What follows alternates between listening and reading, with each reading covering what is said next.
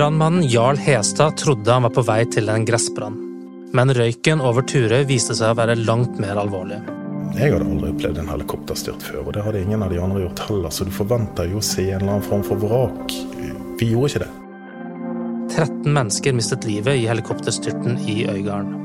Fem år etter tragedien er det én ting brannmannen har dårlig samvittighet for.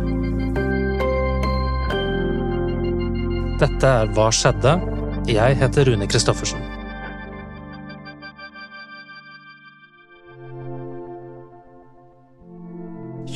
april 2016 er en nydelig vårdag i Øygarden. Solen skinner, og det er straks helg. Men det er typisk vær for gress- og lyngbranner, for det er tørt i terrenget og vind i luften. På brannstasjonen på Ågotnes har Jarl Hestad overtatt vakten for en kollega. På forhånd har de snakket en god del om faren for brann i terrenget. Vinden gjør at sånne branner sprer seg fort, og de gir mye røyk. Jarl er én av to fast ansatte på stasjonen. De andre jobber som brannfolk ved siden av andre yrker. Og som Jarl sier, de er alt fra bygningsarbeidere til folk som vet hvordan man skal behandle en ku. Det betyr jo at vi har en veldig høy grad av frivillighet, og så har vi veldig høy grad av motivasjon. Men det er en livsstil. Altså, Du ofrer litt for familien din når du må løpe fra middagen fordi det går en. De aller fleste brannfolkene rykker til da, nærmeste brannstasjon som de hører til, og så tar de med seg utstyr og biler, og så rykker de ut mot meldt skadested. Men i noen tilfeller, når vi hører på alarmen at det er stormliv, så kan det være at folk finner på å, å kjøre direkte. For her er det jo kanskje litt mer avstander enn i bygden. Jarl har vært brannmann i over 30 år, og han har sett mye. Han vet aldri hva han må rykke ut til neste gang. Det kan være alt fra en sau som sitter fast i en myr, til en fregatt som holder på å synke. Men det han må rykke ut til denne dagen, kan knapt bli verre tolvtiden så fikk jeg en utalarmering.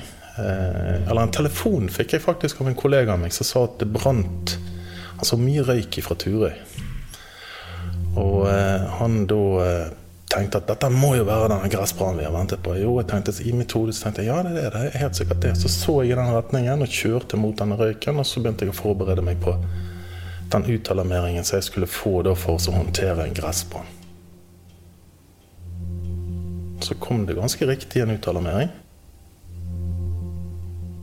Men da sto det 'arbeidsulykke'. Jarl setter kursen nordover mot Turøy. For å komme dit så må han ta av fra hovedveien og følge en smal og svingete vei et par kilometer, over noen flere broer og forbi mange små holmer helt ytterst ved havet. I enden av veien ligger et lite øysamfunn med gamle, klassiske vestlandshus, en del nye eneboliger, velstelte hager, bratte knauser og mye vind. Underveis piper det i senderen han alltid bærer med seg. Og så varte da alarmtonen ganske lenge, og så kom det tale.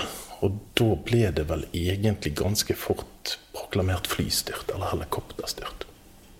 Så når jeg kjørte på veien ut av Turøy, så treffer jeg en gammel kollega, en tidligere brannmann. Han kjører mot meg, og så ser han veldig bister ut, og så vender han tommelen ned. Da var jeg på oh shit, hva er dette her for noe? Her er NRK Dagsnytt klokka 13. Et helikopter har styrtet eh, i eh, sjøen eh, ved Sotra. Det var på vei Jarl er fremme ved Turøy. Der møter han flere som ble vitne til det som skjedde. Når jeg kommer i et uniformert kjøretøy med blålys på taket, så er det da um, det som jeg oppfatter som opplysninger, men etter hvert blir litt støymengde fordi at det er mange som vil si mye til meg. Men i min erfaring med mennesker som har sett en hendelse, det er det at de ofte vil fortelle mye mer enn jeg har behov for. Og da må jeg nok dessverre av og til ufølsomt bryskt avvise folk for å klare å videreføre min egen handling og, og jobb. Eh, samtidig så prøver vi også å sitte disse menneskene som har et inntrykk, eller på en eller annen måte er, har samme inntrykk. Vi prøver å samle de, sånn at de kan sitte seg og snakke imellom.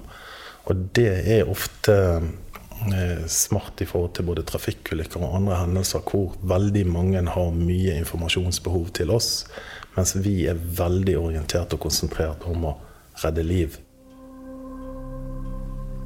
Super Puma-helikopteret var på vei fra Gullfaksfeltet i Nordsjøen. En av dem som så maskinen komme inn mot land, jobbet selv offshore. Han var ute og gikk med den lille datteren sin, og han sa til henne at det der, det er et sånt helikopter som pappa reiser ut i Nordsjøen med. Så så han at helikopteret begynte å vingle. Så kom det flere smell, og plutselig løsnet hele hovedrotoren. På ti sekunder falt helikopteret over 600 høydemeter. Folk som sto på broen, fortalte senere at de måtte løpe for livet da vrakdeler kom mot dem. Det som preger skadestedet, det er at det er stille. Ehm, det er ikke nok ehm, utpregede lyder. Det er merkelig nok sjøfugl og bølgeskvulp og lukten av eh, flybensin. Og eh, lukten av brann. Oransje, hvite deler om en annen. Eh, så, så, skadestedet er eh, uoversiktlig med brann.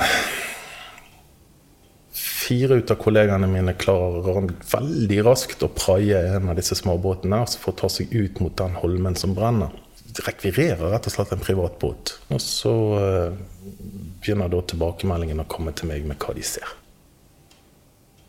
Og det er jo sterke scener. Det var en del skuelystne som tok seg gjennom en smal vei, og, og veldig fort måtte de begynne å bruke brannfolk til å dirigere og stoppe trafikk faktisk en, en, del mennesker som er i nærheten av dette. Også småbåter som er ganske tatt inn på hendelsen. Veldig fort så tilbakemelder jeg til min fagsentral eh, at eh, vi ikke ser noe tegn til liv. Så ganske fort så realiserer jeg at dette er en ulykke som er stor og fatal.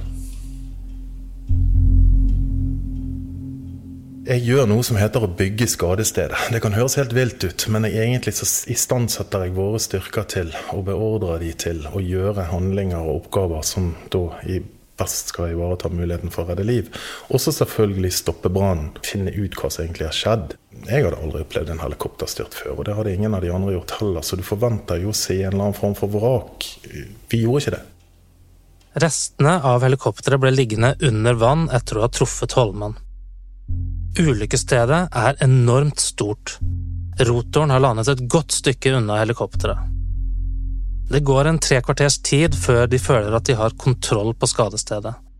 Og etter hvert så kommer alt som kan krype og gå av mannskaper til området. Enormt med redningsressurser, enormt med folk som vil noe. Vi var vel totalt en 40 brannmannskaper som jobbet der.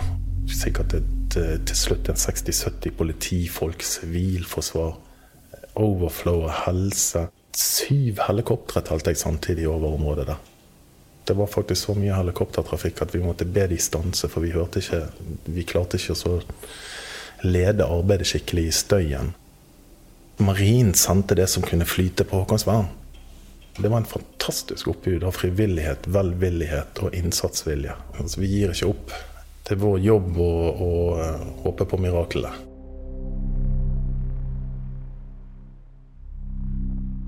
Den første tiden var det uvisst hvor mange som var i helikopteret. Etter hvert ble det klart at det var to piloter og elleve passasjerer om bord. Rotoren løsnet bare noen få minutter før landing på Flesland. Og de svært erfarne pilotene hadde i virkeligheten ingen mulighet til å berge helikopteret. Brannvesenet, politiet og de andre etatene jobbet jo i ukers perspektiv på stedet. Men selve den akutte innsatsen, den varte vel i en fire-fem timer. Og det handlet jo om, om, å sikre folks rett til å kunne begrave sine kjære. Vårt fokus var å sikre eh, at at, at dette skulle prøve å være verdig. En kvinne og tolv menn mistet livet. Mange av dem var fedre og bestefedre. En av dem hadde selv vokst opp på Turøy, bare noen hundre meter fra ulykkesstedet. Granskingen av ulykken viste at det hadde oppstått sprekker i et av tannhjulene i girkassen. Ørsmå metallbiter gnagde på tannhjulet til det brakk. For Jarl har tragedien blitt en av mange sterke opplevelser som er vanskelig å glemme. Vi var eh, veldig tidlig ute å skaffe hjelp på psykolognivå, krisepsykiatri. Så brukte vi for første gang eh, profesjonell oppfølging. Tenkte du noen gang at du hadde fått nok, at du ville skifte yrke, f.eks.? Nei. Eh, nei, fordi at kanskje det verste for en brann- og redningsmann, det er å ikke få være med. Eh, jeg syns Vi behandlet jo de eh, mannskapene våre som ikke fikk være med på denne ulykken her, i stor grad etterpå også, for de sitter da med en sånn avmaktsfølelse. Jarl har sett på loggen i ettertid, og han er glad for at han ga de riktige beskjedene i kampens hete men det er et par ting han skulle ønske han hadde gjort annerledes. Jeg klarte ikke helt å oppfange ansiktene på alle de som ville fortelle meg noe. Eh, så de har jeg litt dårlig samvittighet for. Jeg måtte avvise noen ganske bryskt. Jeg skulle også ønske at jeg visste eh, Helt fra begynnelsen av så lagde jo jeg meg en feil tese om at dette var en skogbrann eller en gressbrann. Hadde jeg fra begynnelsen av visst at det at det var et helikopter som hadde styrtet, så hadde jeg kanskje hatt noen minutters forsprang på å forberede meg på det som møtte meg når jeg kom fram. Eh, men det blir alt sånn hvis og om at. Eh, nå viser det jo seg det at det var ikke så veldig stor forskjell vi kunne gjort i forhold til liv og død uansett. For det skjedde fort. Eh, og, men igjen så var det jo det der med oss brannfolk og redningspersonell og dette her med håpet. sant? Denne episoden av Hva skjedde? er laget av Rune Christoffersen, Anna Offstad og Henrik Svanevik. Du har hørt lydklipp fra NRK. Har du tips? Skriv til oss på hva skjedde? et btno.